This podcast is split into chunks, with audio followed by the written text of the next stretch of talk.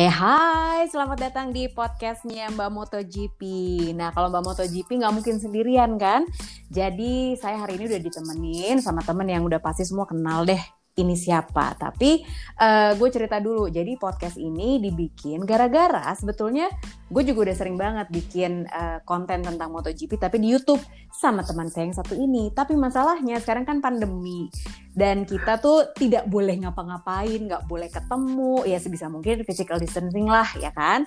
Pergi kalau perlu aja. Jadi kita sekarang bikinnya versi podcast aja supaya uh, eh, GP Mania ini juga bisa dengerin kita di mana aja. Nggak perlu apa ya nggak perlu nonton gitu kan. Kalau lagi di jalan nonton YouTube nggak bisa. Sambil bawa motor misalnya atau sambil nyetir mobil misalnya. Uh, sambil kerja bisa dengerin juga kita ngobrol berdua di sini. Gitu. Selamat malam Mas Joni Lono. Malam Jeng Lucy. Gila ya lo tuh gue ajakin Instagram live. Iya diajakin di YouTube juga iya, sekarang podcast gitu. Karena kita semua bergerak berdasarkan pandemi, ya kan? Betul, Jeng. Dan juga diajak-ajak mulu jadi nggak gaptek-gaptek amat, Jeng. Iya dong, benar benar benar. Soalnya kemarin tuh emang banyak banget Mas Joni yang bilang sama aku, kenapa kita nggak bikin podcast aja? Karena nggak tahu deh, emang kalau podcast tuh kuotanya jadi lebih hemat gitu daripada YouTube, iya harusnya ya?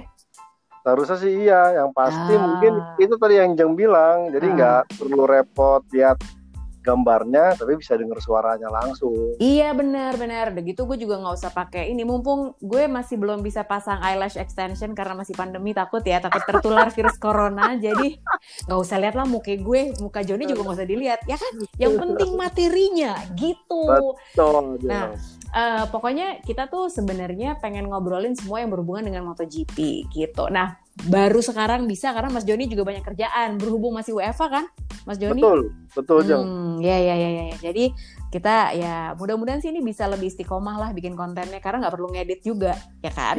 Ya Allah. Nah Mas Joni ini tuh ya. uh, kita kalau ngomongin tahun 2020 ini kan emang dramanya kalau di MotoGP banyak banget. Terus ini sisa di bulan Oktober ini berarti kita sisa berapa race lagi nih musim 2020? Tiga empat. Eh tinggal empat empat. iya, empat. jadi ntar hari minggu. Uh, uh, nanti hari minggu tanggal 25 ya? Eh ya, ya kan? Tanggal 25 ya. itu Aragon abis itu kita pindah ke libur dulu. oh ya libur, libur dulu libur dulu. Uh, terus? Baru mulai itu November Valencia Valencia Valencia uh -huh. dan Portimao 22 November terakhir nah itu dia terakhir tanggal 22 November nah kalau misalnya gue tanya dulu sama lo nih, begitu mengalami sendiri dan melihat tahun 2020, mulai dari Marquez udah cedera di awal. Tanggapan lo tentang musim 2020 gimana? Sejauh ya, ini? Yang pasti sih ajaib ya, karena pertama saya, saya pikir tuh bakal kalau Marquez kagak cedera, mungkin uh -huh. ini akan dominasi Mark Marquez lagi. Iya iya iya, iya benar. Tapi kemudian Marquez ini juga sebenarnya ada intrik apakah memang Marquez harus istirahat selama itu mm-hmm. atau memang ini ada istilah tanda petik politis bahwa Marquez disimpan biar mm-hmm. persaingan 2020 yang notabene agak sedikit terpaksa harus digelar di Eropa kemudian mm-hmm. juga ingin menambah istilah tanggung jawab karena tidak ada penonton juga ingin memberikan hiburan lebih kepada semua orang yang menyaksikan di dunia. Makanya mm -hmm. di, di, di istilahkan Mark Marquez disimpan deh buat tahun depan. Oh. dan apa karena di, bisa dibilang musim ini nggak terlalu ibaratnya apa ya alah ini musim ece-ece. Bisa dibilang gitu nggak sih?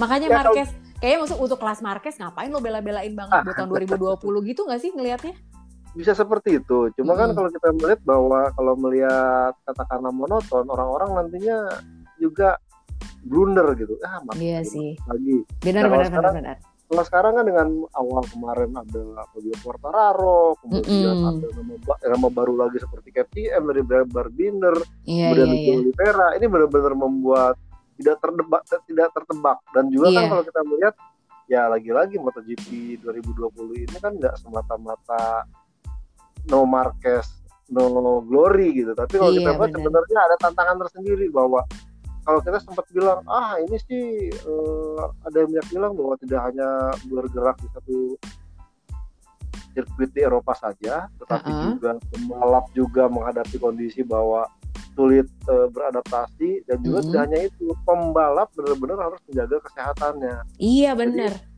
ya kita sempat bilang ah virus kayaknya ya di Indonesia kan kayaknya COVID-19 sudah biasa-biasa aja ternyata di luar malah malah mulai kejadian lagi ya ada pembalap yang harus absen jadi Moto2 bagaimana yeah. rematin rugi kemudian mm-hmm. kalau kita lihat juga yang baru-baru ini Valentino Rossi harus absen artinya mm -hmm. cukup merugikan artinya memang uh, tidak semata-mata absen Mark Marquez tapi juga memang kondisi pandemi coronavirus 19 ini membuat pembalap pun tidak hanya bertempur dengan istilahnya persaingan yang kompetisi aku bilang ajaib iya iya iya benar-benar rondenya padat sirkuitnya hanya di Eropa saja tapi dan mereka nggak boleh ketemu keluarga loh harusnya itu ya kan? yang yang hmm. membuat membuat pembalap-pembalap juga sebenarnya ya tidak bisa dikatakan ya saya sempat agak setuju dengan apa yang dikatakan Casey Stoner soal hmm. kalau umpamanya ini bukan kejuaraan dunia karena hanya digelar di Eropa tapi kemudian saya iya pikir sih.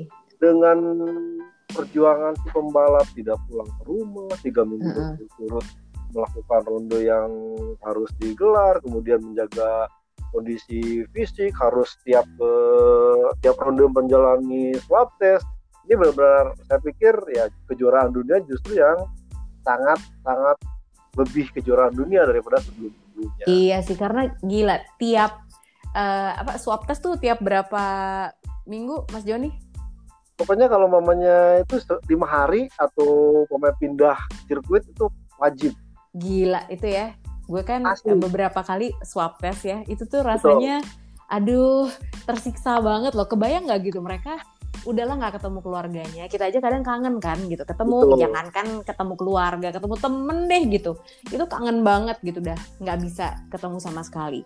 Nah ini kebayangkan mereka tuh nggak ketemu keluarganya berbulan-bulan. Bahkan Fabio Quartararo tuh termasuk salah satu yang taat protokol banget tuh ya. Betul. ya. Jadi dia bener-bener diem aja udah nggak ke mana-mana. Valentino Rossi masih ketemu pacarnya. Hmm, makanya mungkin gara-gara itu dia covid.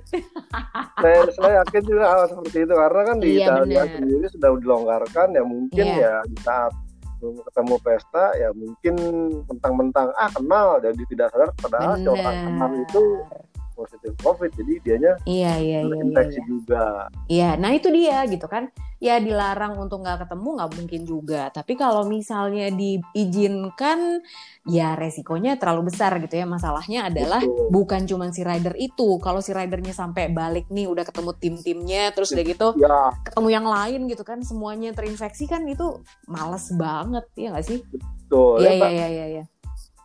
Lihat ya si Arbolino lah kasusnya dia dipastikan dia ikut hadir di acara ulang tahunnya ya. ulang tahunnya uh, uh, benar, benar, benar, benar. dia negatif kan yeah. di swab tapi karena dia berinteraksi dengan orang yang positif dia juga harus nah, itu ya itu itu tuh gosip juga. Jadi sebenarnya kita juga kita nggak mungkin ngomongin ini on air sih. Nah materi-materi kayak gini nih yang cuma bisa kita omongin pas lagi di podcast. Nah uh, sebenarnya Tony Arbolino Betul. itu kan emang negatif gitu setelah di swab tapi masalahnya adalah dia iya. konon dia dibilangin berada dalam satu pesawat dengan seseorang yang teridentifikasi COVID. Apakah orang itu Valentino Rossi? Nggak tahu juga, ya kan? Nggak tahu juga. Tapi yang jelas katanya betul. Tony Arbolino ini memang ada di pesta yang sama katanya. Tapi ini gosip ya, iya. nggak tahu bener apa enggak. Uh, tapi kalau misalnya memang terlepas dari nilai kejuaraan kan waktu itu sempat ada yang bilang juga tuh si bahkan siapa Puig ya kan dia yang bilang dong ya. ah ini sih kejuaraan Betul. 2020 tuh ibaratnya kalau orang Indonesia bilang nggak aci soalnya nggak ada Mark Marquez. Jadi siapa pun yang menang jadi juara dunia itu nilainya tuh nggak seberapa. Katanya gitu. Nggak afdol. Karena lo nggak mengalahkan Mark Marquez. Tapi kalau lo sendiri nggak setuju ya? Setuju nggak? Ya kalau kita melihat sebenarnya ya persoalannya kan Mark Marquez kemarin bukan karena faktor istilahnya disengaja gitu yeah, ya yeah, yeah. absen. Uh -uh.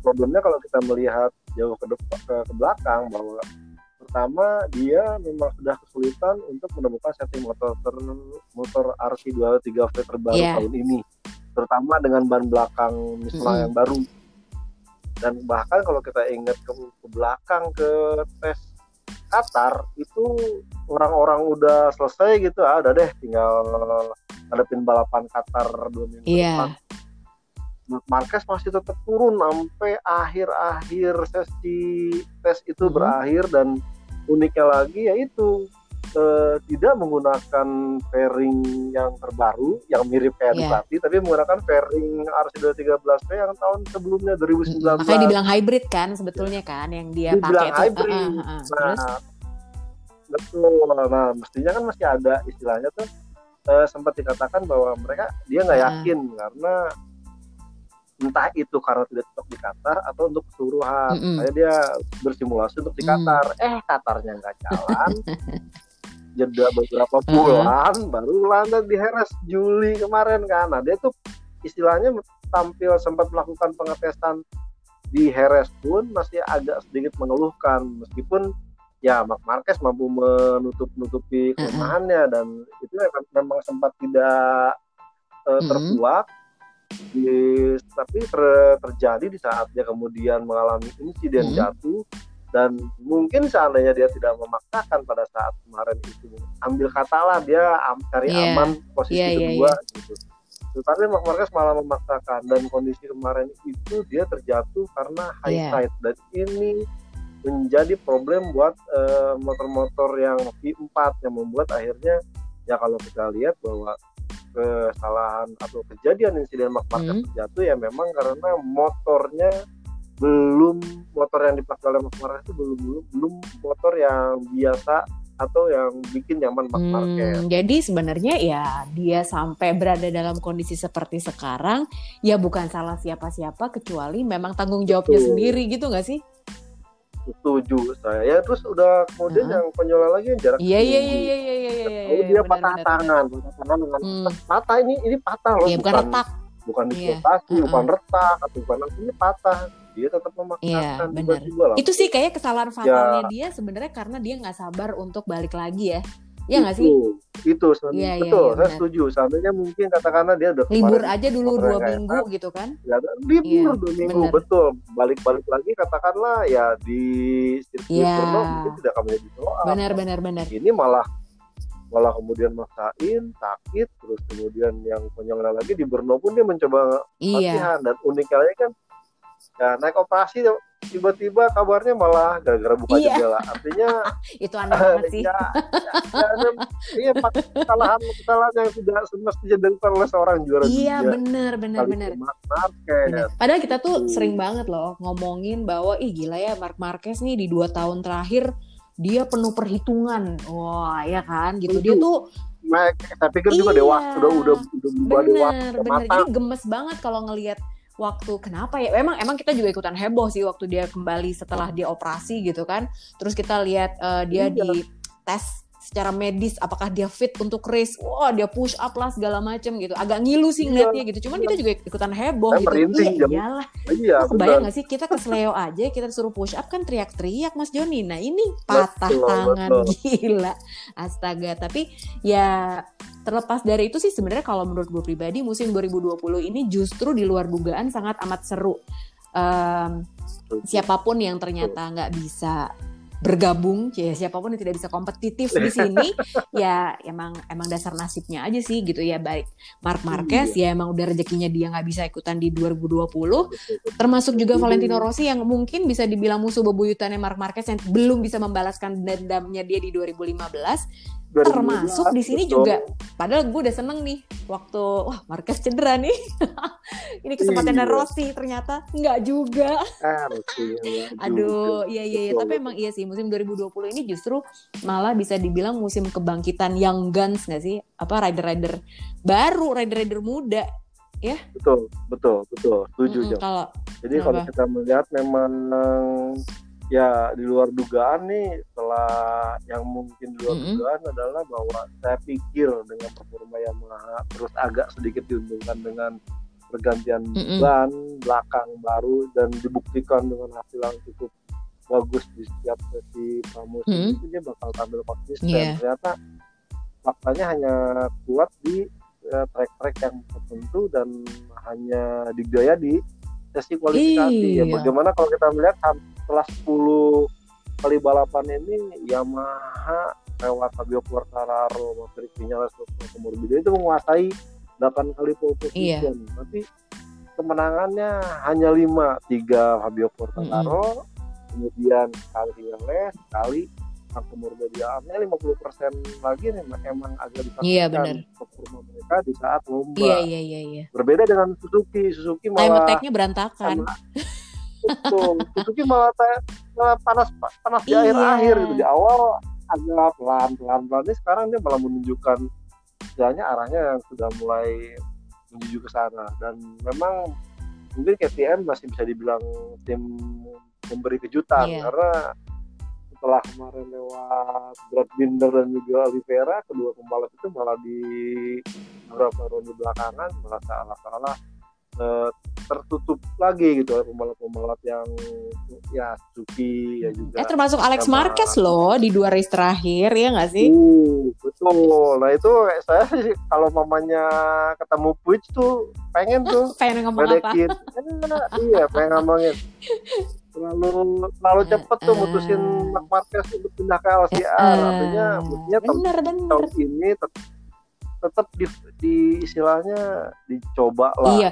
kasih Aduh, kesempatan itu deh. mumpung abangnya cedera ya kasih kasih istilahnya kasih waktu kasih kepercayaan kasih lebih lah ya nggak sih? kepercayaan lebih. Iya benar benar benar benar benar setuju. Ini ini tuh kayak kayak ini ya Mas Joni.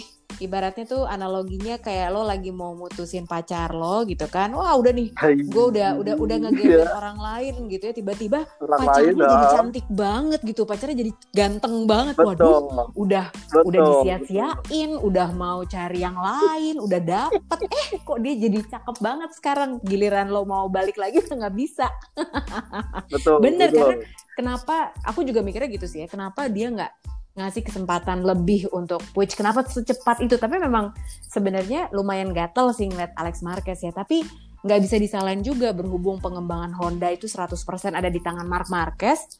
Kan kelihatan begitu dia cedera, nggak ada yang bisa bawa motornya. Ya nggak sih? Nah, mungkin kalau umpamanya seandainya agak sedikit diubah hmm. setelah kepastian, katakanlah diumumkan Mark Marquez hmm. eh, cedera tiga eh dua sampai tiga yeah. bulan lagi, yo wis kasih ke uh, kan belakangan emang kita Kagami yang diberikan meskipun hanya berupa data. Yeah. Nah mestinya Alek, Alek Marquez itu udah Alek ini mungkin kamu bisa kasih cara atau gimana bikinnya nih. Ya secara dia punya inside scoop kan, siapa tahu dapat apa betul, gitu dari kakaknya, bener nggak?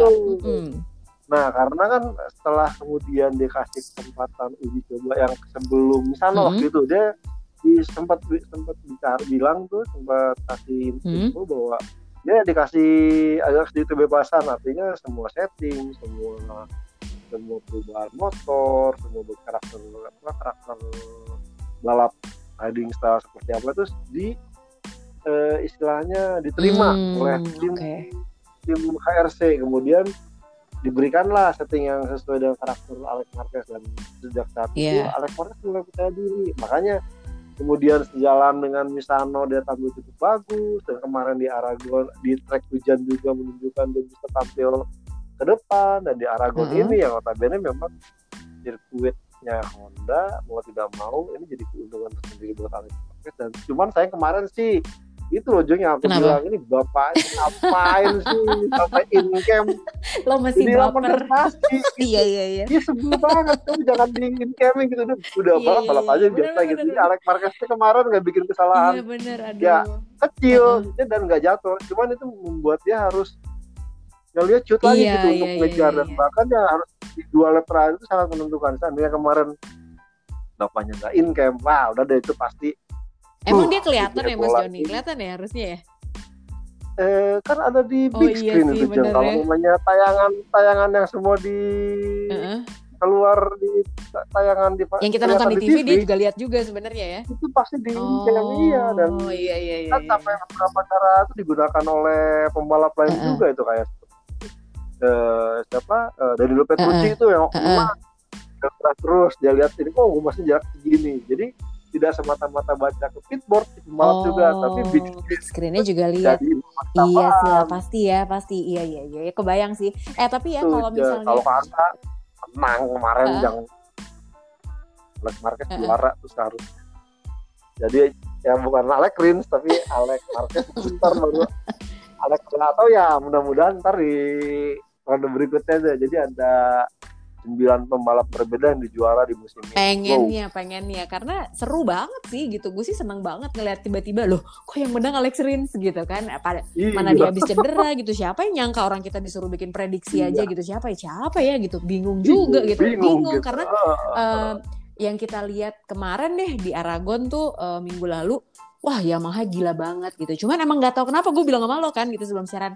Tapi gue nggak yakin ya Morbidelli gue nggak yakin gitu. Terus Vinales juga gue gak yakin, Fabio Quartararo juga kayaknya enggak deh. Kalaupun iya paling kita jagoinnya Morbidelli gitu ya waktu itu ya. Morbidelli, Quartararo iya. Cuma Morbidelli kemarin ya mobilnya kemarin tuh pas saat dia milih belakang soft yeah. aku juga gak yeah, yeah, yeah, yeah. pilih uh, jadi sebenarnya jagoan-jagoan kita tuh kemarin GP Mania jadi gara-gara pas kita udah ngeliat pilihan bandnya berubah langsung. Wah kayaknya nggak mungkin deh Yamaha ini. Soalnya semuanya Betul. milihnya uh, apa medium karena mereka nggak pernah coba medium waktu itu di Aragon ya. Medium. Uh, uh, gitu nah Joni kalau misalnya gue tanya nih uh, sekarang ini kan yang di bilang sama orang 2020 ini antara miliknya Joan Mir atau Fabio Quartararo. Ayo, kalau menurut lo siapa? Iya, iya. Ini agak sulit ya karena saya pikir dua-duanya ini punya mm -hmm. kan. Joan Mir, oh, Fabio Quartararo. Buat Joan Mir tentu ini satu comeback yang sangat luar iya biasa saat dia juara dunia. Uh -uh. Karena dia uh, setelah terseok-seok di debutnya kemarin uh -huh. tuh dia cedera, kemudian dia ngedrop, sekarang dia mulai bisa bagus ini sangat sangat bagus. Dan bahkan kalau umpamanya katakanlah dia juaranya nih tidak pernah menang uh -uh. ini bisa aneh banget ya. iya, iya, iya, selain dia selain dia mempersembahkan kemenangan 20 tahun Suzuki setelah 2000 terakhir juara dunia uh. tentu ini mempersembahkan juara nah, terakhir itu 2000 ya Suzuki juara dunia ya? 2000 Astaga. masih dua tahun Astaga bahkan masih dua tahun iya dan kemudian juga artinya ini uh, menampar Yamaha iya bahwa uh, selama ini Yamaha kesulitan terakhir mm -hmm. juara dunia tahun 2012 iya aduh benar uh, terseok-seok tiba-tiba Suzuki balik kembali menggunakan konfigurasi mesin motor yang hampir sama uh -huh. dengan Yamaha dan blok-blok sama cuman berbeda mungkin dari sisi beberapa tek sisi teknikalnya aja tapi malah yeah. menang ini benar-benar sangat luar biasa cuman buat Fabio Quartararo juga ini jadi momentum tersendiri nih Jong. Kalau mamanya dia bisa juara dunia, dia menjadi pembalap MotoGP tim dan pembalap satu pertama di era empat tak yang bisa juara dunia. Jadi sebenarnya baik buat John Mir dan juga buat Quartararo sama-sama punya rekor manis iya. nih, akan mencetak rekor manis iya. juga nih ya mereka pasti akan sangat bernafsu untuk bisa istilahnya ya mewujudkan bisa meraih kemenangan di MotoGP ya. Tapi kan itu kan ambisinya, satu, ambisinya. Ambisinya. Nah, tapi kalau lo lihat dari orangnya nih gitu, dari segi ya. konsistensinya, dari segi uh, apa ya kematangan mereka dalam merencanakan move-nya nggak tahu kalau gue pribadi ya. kayaknya lebih berat ke Joan Mir. Kenapa? Karena satu dia setiap Betul. race itu naik kayak Marquez Mark Marquez ya, dia tuh kayak punya pertimbangan banget. Oke, ini kapan gue harus attack, kapan gue diem aja. Makanya sebenarnya tadi lo bilang kan gitu, kalau dia berhasil jadi juara dunia, ini jadi rekor juga karena dia menangnya nggak banyak tapi skor poin terus. Iya kan? Iya, nggak pernah di podium ya. tertinggi banget gitu. Kayak Mark Marquez kan berkali-kali juara terus juara juara juara. Joan Mir kan iya. nggak tapi poin poin poin poin gitu. Nah, uh, itu sebenarnya salah satu indikasi kenapa gue bisa bilang dia itu uh, sangat punya strategi yang bagus gitu ya nggak sih untuk mengamankan dirinya loh dan dia juga udah punya istilahnya punya punya bekal uh -huh. Jang. jadi uh, kenapa dia cukup tampil bagus di MotoGP -hmm. dia di kelas di kelas Moto3 itu udah pernah juara iya dunia sih. di 2017 uh -huh. kalau salah uh -huh padahal di saat 2016 tuh barengan tuh masih oncom uh, Quartararo si oncom cuman iya bahkan jadi Fabio Quartararo itu uh, jadi seniornya yeah, yeah. karena uh, si Joan Mir baru debut uh, uh. tapi pada saat iya duluan Quartararo ya iya iya iya iya Quartararo naik ke motor mm. tuh nah Joan Mir naik juara dunia mm. dari sini eh kadang ini punya pengalaman menjadi juara dunia jadi modal tersendiri mm. nah itu sebenarnya Joan Mir penuh perhitungan itu yang mm -hmm. pertama yang kedua kalau kita melihat memang agak kenapa saya setuju dengan Jeng soal mm -hmm. Joan Mir karena dia berada di tim pabrikan mm -hmm. dan kemudian Suzuki pun begitu percaya sampai mengontrak sampai 2002 iya. dan juga Suzuki itu melakukan riset dan pengembangannya tidak seperti di Yamaha yang diberikan kepada satu orang terus orang lain harus mengikuti atau beradaptasi dengan karakter motor yang Iya, yeah, tapi biasanya bang pabrikan kayak gitu ya, satu yang paling jago dipilih gitu kan. Gitu. Ya dulu kan Rossi, Betul.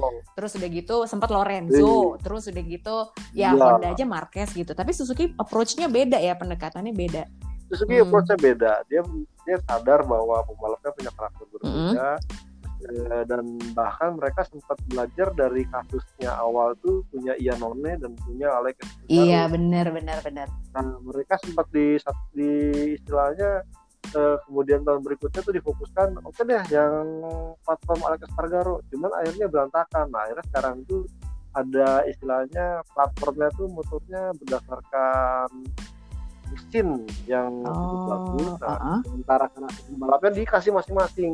Oh, Jauhnya gitu. seperti apa? Ya, ya, ya, ya, ya. Tapi emang cocok. Maksudnya Suzuki tuh punya tim yang bagus tuh memang saatnya di masa Alex Rin sama uh, Joan Mir karena Joan Mir. waktu sama Espargaro sama uh, Iannone yang satu sibuk Iannone. menjadi model, ya kan? Ya ini asik-asik foto aja gitu kan. Nah betul, itu. Jadi betul, fokusnya hilang bukan ngembangin motor tapi mengembangkan karir sebagai model kayaknya Abe sampai lupa lo gue udah Yanone gila ya gara-gara kebanyakan iya sekarang kan, eh. sekarang makin gantung dia nasibnya iya tuh. jadi akhirnya dia nunggu November kan ini keputusannya kan? Nunggu November karena awalnya keputusannya mau per Oktober -huh. ini sehingga bisa jadi ketahuan pasti. Jadi ya si Aprilia pun akhirnya bisa tahu diri gitu. Oh, oke okay. deh. Uh, ternyata dia diperpanjang atau dibatalkan hukumannya. Itu ternyata enggak karena dari pihak uh, arbitrase olahraga uh-huh. internasional pun mempertimbangkan karena kalau mungkin soal pembatalan artinya cuma satu kasus uh-huh. doang itu bisa lebih cepat. Uh-huh. Cuman gara-gara ada Riwada itu mengajukan pemberatan hukuman terhadap Yanone uh-huh. ini menjadi pertimbangan lain. Hasil ya keputusan soal Yanone ini jadi mundur ke mungkin dan sepertinya nih, ya bisa karirnya udahan. ya udahan iya, iya. karena Iya tadi gue baru mau bilang sebenarnya apa nih gara-gara keputusannya jadi seperti dalam tanda kutip digantungin tuh karena dia juga sebenarnya bukan rider yang kompetitif kompetitif amat gitu. Jadi kenapa harus dibela-belain ya nggak sih? Baik dari Aprilianya baik dari Dornanya mungkin juga gitu. Jadi kayak nggak dikejar gitu ya nggak sih Jan? Kayak oh sudahlah kamu juga gini-gini aja gitu. Kamu kayaknya jadi model aja deh Aduh. Ya mungkin karena karena ya kontroversial juga sih dia ya. Ya, Betul ya, itu meskipun kalau ngomong dari skill ya boleh diakuin dia cukup bagus iya karena sih. Ducati pertama kali menang tuh 2016 iya. tuh berkat Iannone. Nah, saya nggak tahu ya nggak tahu kenapa ya makanya kalau kita ngomongin skill nggak ada rider MotoGP yang skillnya tuh jelek nggak ada iya. semuanya tuh luar biasa iya, banget aja nggak hmm. ada betul, karena nggak gampang lo bisa bertahan bertahun-tahun lo masuk ke level MotoGP aja tuh nggak gampang jadi kalau ngomongin skill ya emang pasti jago gitu. Tapi di tengah jalan ada apanya tuh nggak ngerti nih. Nah ini pertanyaan terakhir buat Joni. Kalau misalnya okay. tadi kita udah bahas si Joan Mir dan seberapa besar kansnya untuk bisa jadi juara dunia tahun 2020 lo ngasih persentase yeah. dong Joan Mir berapa kira-kira? Mungkin 65 deh 65 Ih, persen masih 65 Joan Mir. terus? Iya. Quartararo? 35 Quartararo Iya, 35 deh Quartararo. Apa yang menurut lo hilang dari Quartararo? Karena dia kan di awal-awal tuh mendominasi banget ya, sangar gitu. Terus kayak uh, kalau orang bule mah bilangnya out of touch cenah, ya kan? Ya, kayak tiba-tiba hilang aja gitu. Tadinya tuh wah, pole position, menang ina itu, tapi lama-lama ya. lo kok kamu kayak kerupuk kena angin, kenapa melempem nih gitu. Apa yang menurut lo hilang dari Quartararo sih? Ya kalau kita lihat sebenarnya uh, mungkin dia belum tune in mm -hmm. banget dengan motornya untuk di karakter sirkuit yang berbeda mm -hmm. karena kebanyakan sirkuit yang nanti dihadapi ini kan sirkuit kayak Aragon ini kan memang sebenarnya sirkuit yang lemah buat yang iya tapi tidak ada biasa itu satu mm -hmm. kedua memang ya berbeda dengan tim Suzuki Ducati dan juga yang lainnya mm -hmm. bahkan kayak Aprilia uh, uh, Yamaha ini belum disupport 100% oleh tim istilahnya oleh pembalap penguji atau test ridernya. Hmm. Ini tes adanya tidak ada feedback yang lebih bagus mengembangkan motor 2020 seperti apa. Kalau misalnya tes ridernya nah, ditanya makan di mana yang enak, belanja di mana yang bagus, dia bisa ngasih feedback. Betul. Ah, nah itu jadi isinya jalan-jalan. Hmm. Iya, jadi si Quartararo, si Rossi, uh -uh. si Vinales itu bingung. Nah ini motor 2020 jadinya dikembangin oleh mereka dengan kondisi yang notabene harus dengan balapan. Jadi bingung ini mau ngeriset apa mau buat cari setting balapan? Iya kita, aduh bingung. kita settingan balap iya, dan iya, tidak iya. serta merta tampil ya kompetitif iya iya gitu. iya. Iya aduh gue juga agak agak agak menyayangkan sih gitu ya. Soalnya ya apalah arti seorang rider dengan skill yang mumpuni kalau misalnya nggak dapat support yang maksimal dari pabrikan gitu kan. Ya memang sih sebenarnya gara-gara balik lagi salahkan pandemi lah gitu karena semua gerakan tuh iya. terbatas. Ya iya sih gitu. jadi pengembangan tuh juga pasti ya kan tadinya Yamaha mau punya uh, tim tes untuk di Eropa sendiri, di iya, Jepang sendiri, cuman kan tahu sendiri ya gitu. Travel restriction antar negara ini juga ya memang menghambat juga sih gitu. Tapi entah kenapa lah Suzuki baik-baik aja ya, baik-baik aja tuh pengembangannya.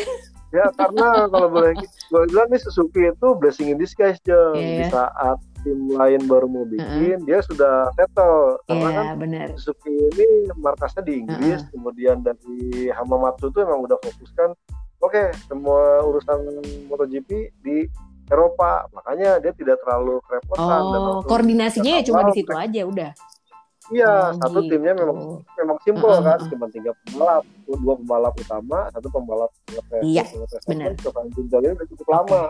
Jadi karena ringkasnya ini, uh, dia tidak terlalu kerepotan ada pandemi. Berbeda dengan tim Yamaha, Yamaha ini kan baru istilahnya ditunjuk coba akan mulai running, mm-hmm. dia akan mencoba melakukan istilah simulasi seperti apa, mm-hmm. baru akan di fix in. Eh ternyata ada pandemi, yeah. jadi belum sampai fix bagaimana bagaimana uh, eh, SOP-nya dijalankan. Uh-huh terkendala jadi tidak bisa jalan dengan maksimal. Eh ya gitu deh. Pokoknya apa-apa salahkan pada pandemi aja udah, pandemi. ya kan?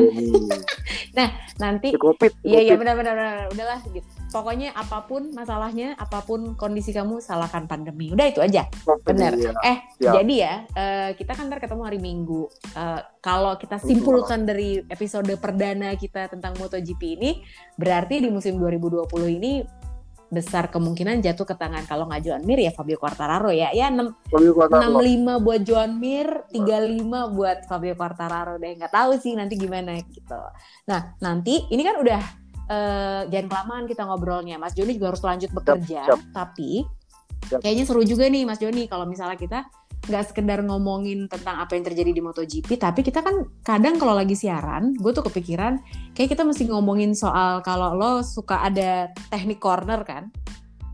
Nah, kita biasanya mesti bahas di sini nih. Kenapa? Karena Ternyata kan kita udah pernah tuh bikin YouTube konten tentang ban goib. Gila, masih ada aja yeah, loh yang nanya ke gue, "Ini ban goib ban ya?" Goib. Aduh, gila ya. Kurang jelas apa gimana penjelasan kita di YouTube.